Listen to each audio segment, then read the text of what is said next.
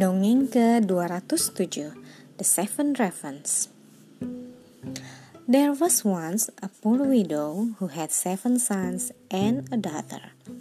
The daughter, Anne, was a good girl, but the seven brothers were wild as the hills. One day, the widow was baking a pie. As she rolled out the pastry, the noise troop came into the kitchen shouting, Pie! When will it be ready? When it is cooked, she said crossly. Let me finish, then we can all eat. But the boys just ran about the hot kitchen, pushing and shoving, leaving muddy boot marks all over the floor. Quiet! I wish you were ravens instead of noisy boys, she cried. Her eyes widened in horror.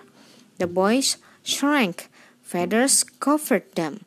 Their mouths became beaks, and they flew out of the door and rushed to the window, but they were already out of sight.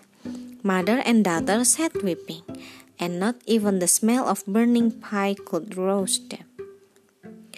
The next day, Anne told her mother that she would find her brothers and bring them home. She set off with nothing but her needle, thread, and scissors.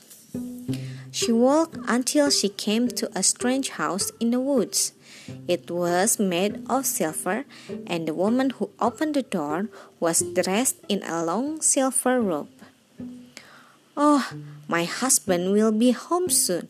There is no supper ready, and I have to mend this clock, she said, all in a rush. I could mend the clock, said Anne, taking out her needle, and then you can cook the supper. The woman was delighted and let her in. Anne sat in the corner and mended the beautiful clock with the tiny stitches. When the husband came in, also dressed in silver, he invited Anne to join them for a supper of roast chicken. The silver man asked Anne where she was going, so she told them the whole story of her brothers. We are the moon's helpers, said the silver man. I asked her if she had seen your brothers.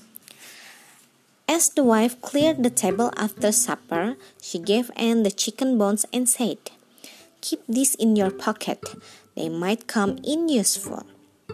When the silver man returned the next morning, he told Anne that the moon had seen seven ravens flying round Amber Mountain. Anne thanked them and set off.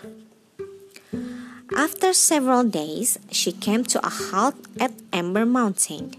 Its sides were as steep as glass. Anne remembered the chicken bones. She pushed one into the surface of the mountain and stood on it. Then she put the second bone in and stood on that.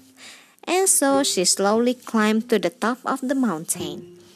There she found seven ravens, her brothers, but an evil old witch was there too. Your brothers are under my spell. You can release them by remaining silent for seven years. And with an evil cackle, she flew off.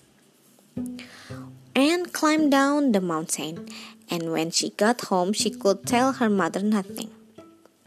Four years passed until one day Anne met a prince who was struck by Anne's quiet ways. He came by every day and asked her to marry him. She smiled her acceptance but didn't utter a word. Three more years passed, and the prince and Anne had a baby son. Now, the queen had never really approved of her son marrying such a poor girl, and so she liked to make mischief. One day, she accused Anne of trying to poison the baby. The prince was horrified, and when he asked Anne if she had done such a terrible thing, she was unable to reply. So she sent her to the dungeons. Three days passed, and Anne was brought into the courtyard, where everyone waited to see what would happen next. Suddenly, there was a great flapping of wings, and seven ravens landed in a circle around Anne. In a blink of an eye, there stood her brothers, restored to human shape.